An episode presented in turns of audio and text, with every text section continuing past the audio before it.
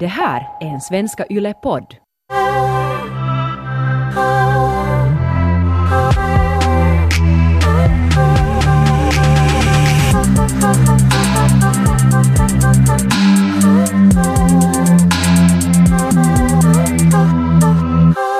När jag flyttade hemifrån första gången när jag var 19 så hade jag och min dåvarande campis, som också var då min bästa vän, så hade vi en sån här teori som min campis hade läst i någon sån här tidning för unga kvinnor. Och i den här teorin så eller den här teorin gick ut på att man eh, delar ut livet i fem olika grenar, eller liksom fem olika områden. Det är vänskap, familj, arbete och till arbete hörde också då pengar och eh, sen relation och kärlek och sen till slut hälsa. Som fem grejer. Okej. Och den här tidningen, tidningsartikeln påstod att man bara kan få tre av fem samtidigt. Det var så här, you can't have it all. Liksom. Man måste Ah, vara ja. tacksam för det, det man har. Att man kan få så här tre av fem grejer. Okej. Och då hade vi då just börjat leva vårt leva life. Så vi har flyttat hemifrån, äh, börjat studera och jobba och börjat dejta och bli kära i folk. Och äh, så funderar vi liksom typ dagligen på det här att okej vad har jag nu? Alltså, hur, vad känns det nu att du har nu? Att har du hälsa och kärlek men ah, det är svårt med pengar och jobb och så här. Och så vi, vi var ganska överens om att, att det fanns visdom i det här att du kan liksom inte få allting. Märkte du, eller eftersom du har hö- hört den här teorin så ung så har du liksom, liksom tänkt på den sådär under ditt vuxenliv? Sådär att hmm, nu har jag liksom så här så här många grejer. Alltid ibland. Och kanske då när man var just 19 så gav det lite tröst. Att det var så att jag kan inte heller, eller det är inte meningen att jag ska ha allt genast. Men nu på senaste tiden så har jag funnit på det här ganska mycket för att jag blev call-outad av min kompis just för att jag då under den här våren har varit enligt henne en dålig vän. Okej. Och vad sa hon då? Men hon sa att, att, att jag har typ under några månader bara inte för, liksom funnits någonstans i hennes liv. Och jag har inte satt någon viest, inte hade hon heller riktigt men jag hade nog missat något meddelande och det var bara sådär att... No, jag har, hon sa att det kändes sådär att, att, att jag bara bryr mig om henne då när jag inte har något annat. Och, så var Ja. så här, och sen var jag såhär, vänta nu att det är nog inte sant men jag har bara jobbat så mycket. Jag tror att jag har lite glömt under den senaste tiden sådär att, att hur det är att vara en vän. Alltså jag, jag vet inte riktigt vad jag ska göra åt det. Det känns sådär att Men vill, skulle du vilja, äh, liksom, tycker du att det, det som, så som du har levt nu har varit så här berättigat eller liksom känner du att, att det har varit liksom en dålig sak? Att, eller på något vis att, att eh, tycker du att det är något fel på hur du jobbar nu eftersom du har varit en dålig vän till den här personen? Så att, där, där är liksom att, tycker du att det är bara sådär att men jag har bara jobbat mycket så då är det så? Eller är du sådär att shit okej, att kanske jag har nu, det har varit någonting ohälsosamt här? Alltså jag önskar att jag till exempel skulle ha satt Vese till henne, vet du, så här, att hur, hur går det och, och tagit hand om vår, vänskap. Men sen sanningen är att jag har också varit så trött. Men ibland är det bara svårt. Ja, och sen att, att, att på något sätt känns det att man själv har sådär, no, överlevt är så dramatiskt, men, men sådär klara av saker. Att mitt liv glider in i sådär prestation så lätt. Ja. Att det känns sådär att, att den här våren har jag också klarat av sak efter sak. Och sen alltid när jag har haft lite tid så har jag typ bara gråtit eller sovit. Och jag vet ju att det inte är hälsosamt, att det är liksom inte en hållbar existens. Men sen om man färdigt är en sådär om man lever så ohållbart så det är ju svårt att vara på något sätt en bra vän tror jag. Mm. Ja, alltså, jag hade, som jag också har talat om här i podden, men då en vänskap som eh, liksom led... alltså den där vänskapen var en sån där eh, person som också krävde jättemycket, liksom, som gav jättemycket. En person som gav jättemycket i, till en vänskap. Så hon väntade sig lika mycket tillbaks och jag kunde inte ge det då och det var också på grund av den här, om vi tänker på den här gyllene liksom femkanten. här. Ja, ja. Så liksom, då, då hade jag så här skitförhållanden, vet du, jag strugglade på jobbet och liksom, det var många saker som bara tog min energi. Och, och liksom så här, lite toxic familjeförhållanden och sen bara vet du, vänskap var bara någonting som jag behövde just då att det skulle gå bara sådär superlätt. Liksom Ja. vänner, det skulle bara vara sådär att de är där för mig när jag behöver, vilket kanske är hemskt, hemskt att säga, men sådär att på något vis så att, att sen ännu när det fanns en kompis som ännu ville liksom kräva så mycket tid och kärlek och, och liksom allting av mig så det var bara helt too much. Eh, så det ledde då till det att jag måste bara säga till den här personen att nu liksom, jag kan inte ha med det att göra. Att jag måste liksom, ja, det var en friend breakup på grund av att hon krävde så mycket av mig. Um, och sen när vi hade den liksom breakupen så hade jag då liksom ett år som inte hade någonting att göra med varandra. Och sen uh, var jag då i ett förhållande och började må liksom bättre och började liksom på något vis uh, heala mig själv och mina jobbgrejer började gå liksom bättre och jag hittade kanske mig själv där också. Men jag märkte liksom att desto bättre jag började må så sen var jag så småningom färdig att ha en kompis som faktiskt gav sådär 100% till mig. Så det kunde du ge tillbaks Ja, exakt. Och inte få sådär ångest av att ha någon som är sådär att hej, när ska vi ses? Och varför, varför kunde vi inte ses vet du, förra veckan? Eh, och liksom så här nästan stressar en. Och det är ju såklart som den här personen själv måste jobba på att inte vara liksom heller en så superkrävande vän. Men, Men krävdes det, krävdes det för att ni skulle bli kompisar igen att ni tog den där tiden, ja, men vem bad sen om ursäkt? Var du sådär hej förlåt att nu vill jag bli- bli din vän igen? Eller hur blev ni vänner igen? No, alltså, eh, vi, vi har ändå så många, alltså vi har en gemensam bästa vän, så sen äh, blev det så att på något vis så sen kunde vi, började vi igen liksom umgås i samma rum.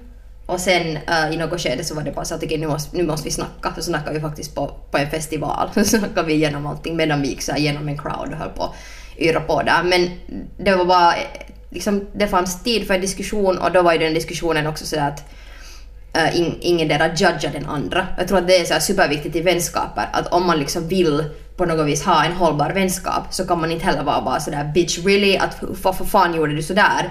Utan min, även om jag hade varit liksom egentligen ganska hemsk mot henne och varit sådär att peace out, jag kan inte ha med det att göra mera. Jag måste bara liksom cut you off, vilket är ganska brutalt. Så hon hade ändå liksom förståelse för varför jag gjorde det för att hon insåg just att mitt förhållande och mina liksom relationships, andra relationships och min hälsa och allting hade tagit sådär att all min liksom, alla mina resurser. Så hon förstod det. Att hon förstod varför jag inte kunde vara hennes vän. Och det är ju helt otroligt fint. Så sen med den förståelsen och så här empatin och så här, så här tålamod så sen kunde vi ju bli vänner igen. Och det tycker jag är jättefint. Men om man, om man delar livet på riktigt i de här fem delarna då, eh, så tycker jag nog att det är skitsvårt att på riktigt ha en, en relation och vara bra vän. För att jag känner i alla fall att relationer är också så sådär... Att man, om man ger sig totalt till en, hel, en annan person och liksom är med den Det människan. blir så lätt så att man ger allt bara när man blir kär. Ja, eller att just om man bor ihop och man delar en vardag, så det tar så mycket energi att jag vet inte... Jag behöver det göra det. No, men jag vet inte riktigt hur man ska... Alltså det där är just det att jag vet inte riktigt hur man har en relation, hur man är en vän, hur man arbetar samtidigt. Liksom att, att, att redan de här tre grejerna och sen om man tänker ändå på någon hälsa och familj så är det så här, jag, alltså, jag börjar känna sådär åh, att jag, är så, att jag, just så, jag, kan, liksom, jag kan ha en grej. jag, kan, jag kan ha en grej samtidigt. Men inte vet jag, kanske det är helt okej att någonting tar hela livet. Jag vet inte. Alltså det är ju val. Man väljer ju vad man satsar på. Och samtidigt här att jag har lyckats såra min kompis så har jag ju valt att koncentrera mig på mitt förhållande och mina arbeten. Ja, och det är ju också survival, då måste man göra det. Att det är också sådär hemskt att liksom leva så att liksom man har sitt förhållande och man satsar allt på det och sen typ jobb och så survival och sen har man kanske något hälsoproblem eller någonting och sen liksom så är man ändå bara så shit nu måste jag ändå vara en bra vän. Att man, ens huvud exploderar ju där. Ja, men alltså... Att ibland måste man kanske vara så att okej nu, nu får mina vänner liksom bara vet du, ta avstånd eller typ nu måste jag typ vet du någonting och sen liksom så får de vänta. Mm.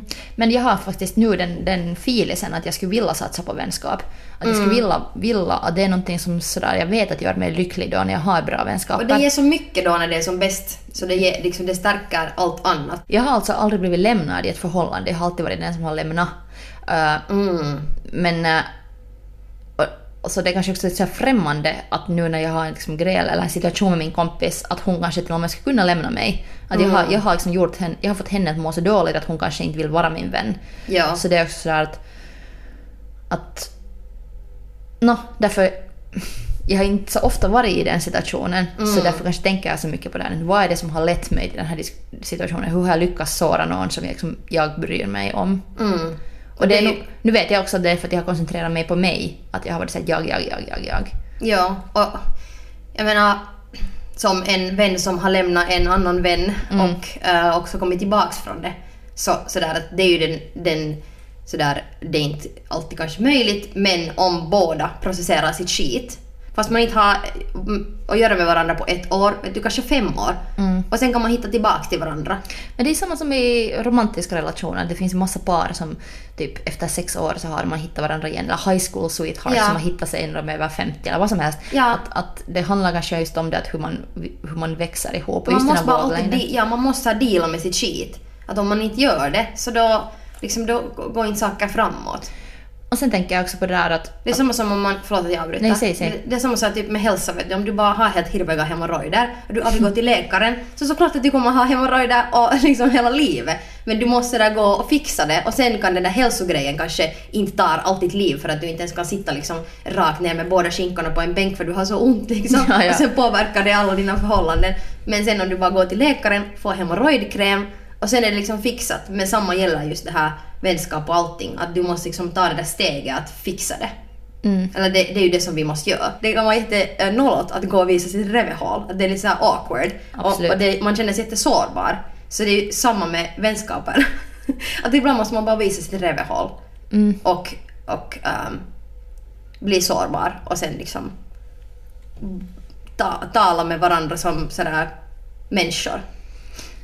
Så, och sen kan man liksom börja processera grejer. Men om man bara gömmer sitt revehål och sina hemorrojder hela livet så då, då kommer man inte vidare.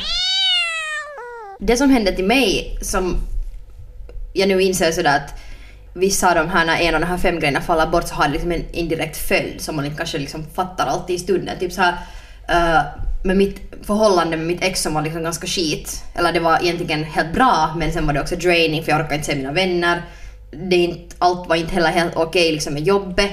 Och med musikgrejer, jag hade så här en massa giftiga människor som jag jobbade med och liksom jag hade ingen inspiration. Och jag hade inte inspiration på grund av det här förhållandet heller inser jag nu. Och då försvann min sexlust helt totalt. Det kändes som att så många saker var åt helvete.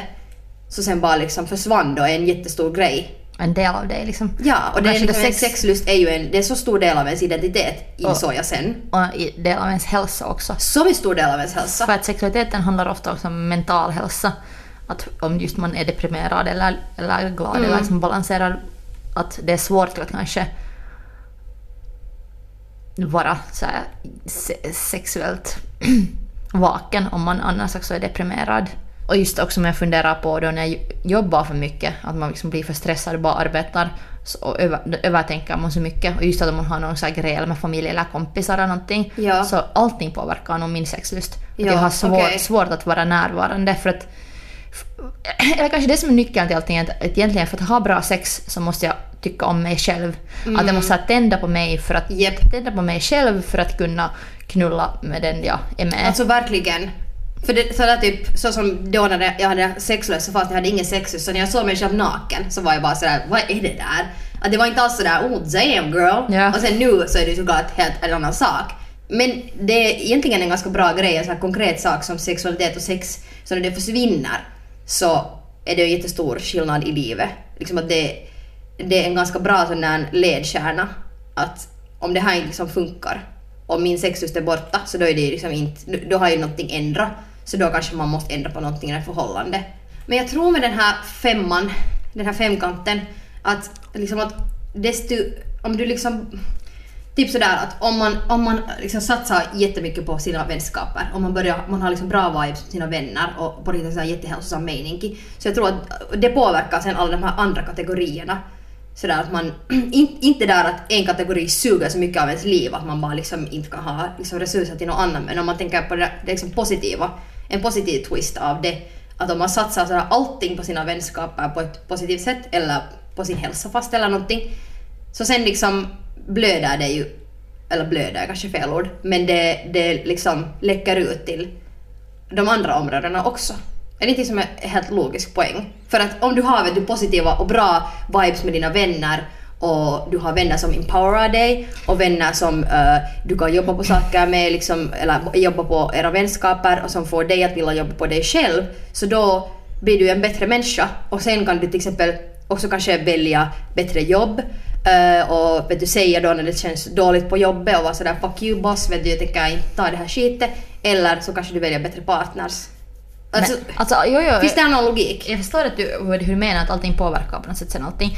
Men till exempel varför klasskillnader och, och mentala problem hör ihop är ju också ofta det att, att du är ganska privilegierad om du har en stödjande familj och fast resurser, sociala som ekonomiska resurser som stöder dig.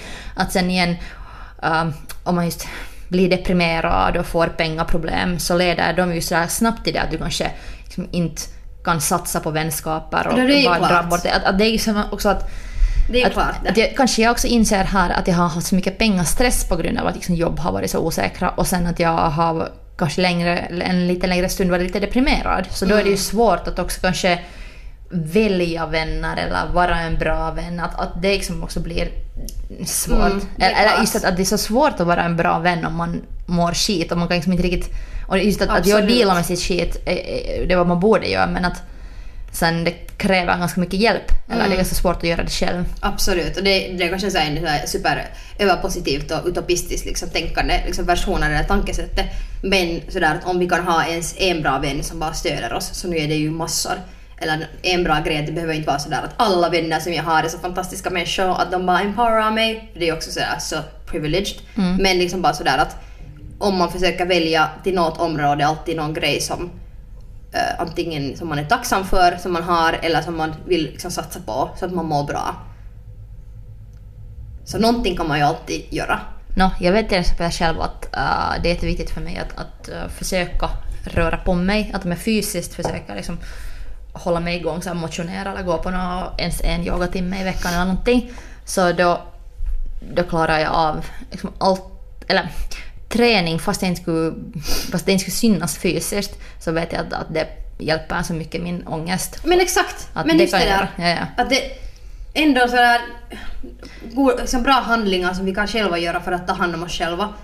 Så får, får ju liksom... Jag tänker börja bodda nu och sen skaffa en massa uh, såna här crossfit-vänner.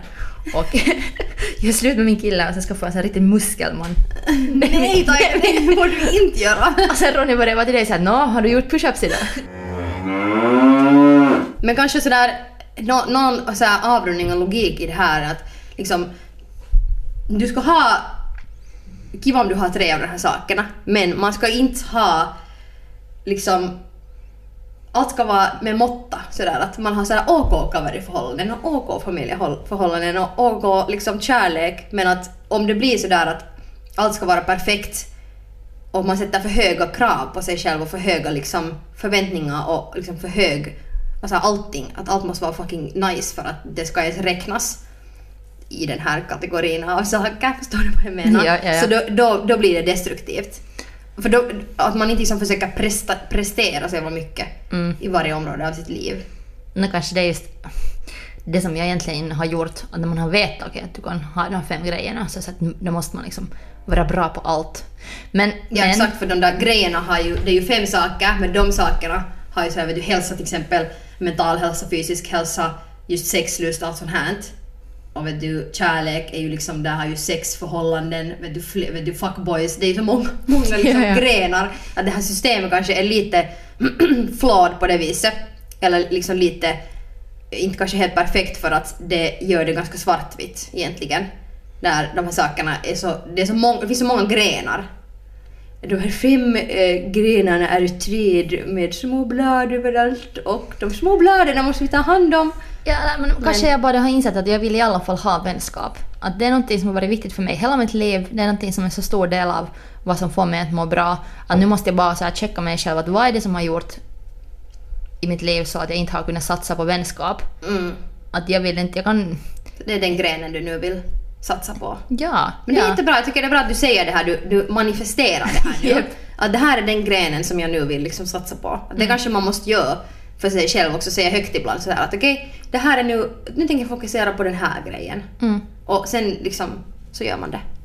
Jag, jag funderar på vad jag är färdig att offra. Att, att om man vill offra någonting, så vad är det, vad är det jag kan offra? Mm. Vad, vad av de här fem? Jag tror jag kanske har offrat mer för så här familj för länge sedan. Mm, det är helt okej. Jag, jag, jag offrar det just nu också. Ja. Sorry om någon lyssnar. ja. Och sen, sen, Jag tycker det är helt okej. Alltså, det som... äh, men det är typ det enda jag kan offra. Ingenting annat kan jag riktigt offra. Mm. Känns det som. Ja, helst ska man kanske inte offra. Ja, eller det känns inte som Men ett varför val måste du heller. offra något? Nej, jag funderar att om du bara kan få tre av fem, så du kan, om du måste välja sådär, vilka, Ja, vil- vilken väljer man bort? och då vill jag i alla fall ha vänskap. Men jag tror att, att, att det att man väljer bort en sak så betyder inte heller att den saken är liksom allt åt helvete. Eller kanske det är så, men det är också kanske inte sunt att ibland bara vara sådär att okej, att det här vet du, förhållandet till min, den här familjemedlemmen är inte nu så nice, men det är helt OK. Eller det har jag måste inse med vissa så här familjeförhållanden att det är inte kanske så vet du, idealt som jag någon, någon gång kanske har behövt eller tänkt att det ska borde vara att man är så här tjommis med vissa släktingar. Men sen är jag insett sådär att jag behöver inte vara, jag behöver inte ha sådana familjeförhållanden alltid. Att vi måste kanske ibland acceptera att vissa saker inte är helt liksom perfekta just nu. Men kanske det finns en eller två grejer som är jättenice och så är vi tacksamma för dem och fokuserar på det och liksom accepterar att någonting annat kanske är lite skit men man kommer ihåg det att det behöver inte vara liksom bra hela tiden och att det är jätte-OK att saker, att vissa förhållanden är lite åt helvete för att i, i bästa fall så liksom när man jobbar på sig själv och låter sig själv liksom att man har tålamod med sig själv så allt sånt det kommer komma tillbaks. Liksom. Det kommer bättre jobb, det kommer liksom bättre stunder med familjen, det kommer bättre vänner eller också vänner som man inte just nu vill umgås med men kanske man vill umgås med dem om ett år. Ja. Alltså att allt kommer tillbaks bara man ger det tid. Alltså jag tror att, att det som jag också man måste nu komma ihåg är det att, att kritik är egentligen en ganska bra grej. Att det behövs. Att Absolut. kri- kritik är en, ändå en möjlighet att på något sätt växa eller att, att lära sig någonting. Mm. Att värre skulle det vara om, om ingen någonsin skulle säga till en om man gör någonting fel eller sårar någon. Mm. Att folk bara skulle försvinna utan att säga någonting. Det är liksom värre. Ja, man får aldrig deala med saker. Ja, för då vet man ju inte vad som händer. Exakt. Att kanske det är liksom bra att bli call-outad om man funderar på någon dagens cancel culture, hur så lätt folk bara så här klipper band hit och dit, så är det ändå sådär att jag har fått en varning.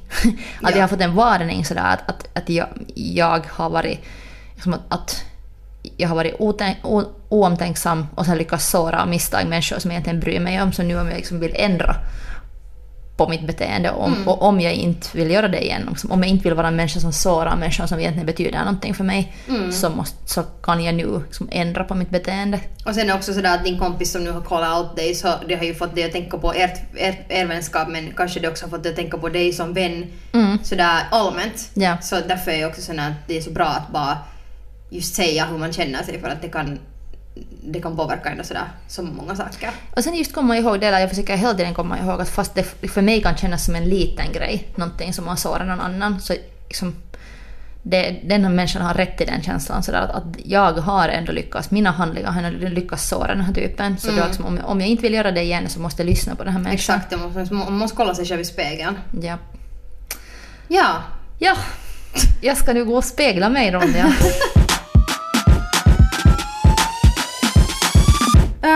men har vi några dus för den här veckan? uh, fråga dina kompisar hur de mår med jämna mellanrum. Mm. Att fast du själv mår skit så försök komma ihåg att fråga dina vänner hur de mår. Mm. Min För du- ofta kan det bli, ofta kan det hjälpa dig själv också om du frågar dem. Alltså precis, för det är ju, nu börjar jag tänka sådär att hur är saker egentligen? Mm. Hur är jag, hur är de? Och liksom lite titta utåt. Man blir så lätt sådär att man går just med lappar på ögonen och bara yrar på och glömmer sådär att vara närvarande. Ja, så jag så skit, jag så skit. Men Ja. sen måste, liksom, är det någon annan så hej, är allt okej. Och sen diskuterar man det ihop kanske. Ja exakt, det kan, liksom, det kan ge ganska mycket. Ja. Okej, min du skulle vara det att, sådär att, att, att, att ge dig själv komplimanger. Det är så, liksom, jag ser det i så många tjejer speciellt, att de bara att vi bara dissar oss själva så fucking mycket hela tiden. Och jag är så skit, jag är så ful, jag är så dålig. Liksom, jag, jag, jag kan inte nå, liksom att, att, att jag är så mycket sämre än dig eller liksom att, att vi jämför varandra och så här bara skitar på oss själva. Så där att ge dig själv komplimanger och sådär att inte bara liksom ytligt men också med vad man har lyckats med, vad, vad man är bra på och så att man, man peppar sig själv och sådant som inte liksom att vet du, man på så här ett cocktailfest bara sådär att hej lyssna på alla på vad, vad, allt vad jag är bra på men liksom att du i dig själv och det kan man också göra, det är faktiskt helt hälsosamt ibland men att man ger sig själv lite fucking lite klapp på axeln. För det är så mycket lättare att hata sig själv än att älska sig själv. Eller ska man lyssna på din nya sång, Fuck Myself, och vara såhär ah, Sant. I wanna fuck myself. Så får man sin sexlust tillbaks. Japp. Mm. Okej, no, men det här... Tack för terapisessionen Ronny, jag behövde det här. jag med. Så, så ja, tack och kom ihåg att go, go fuck yourself.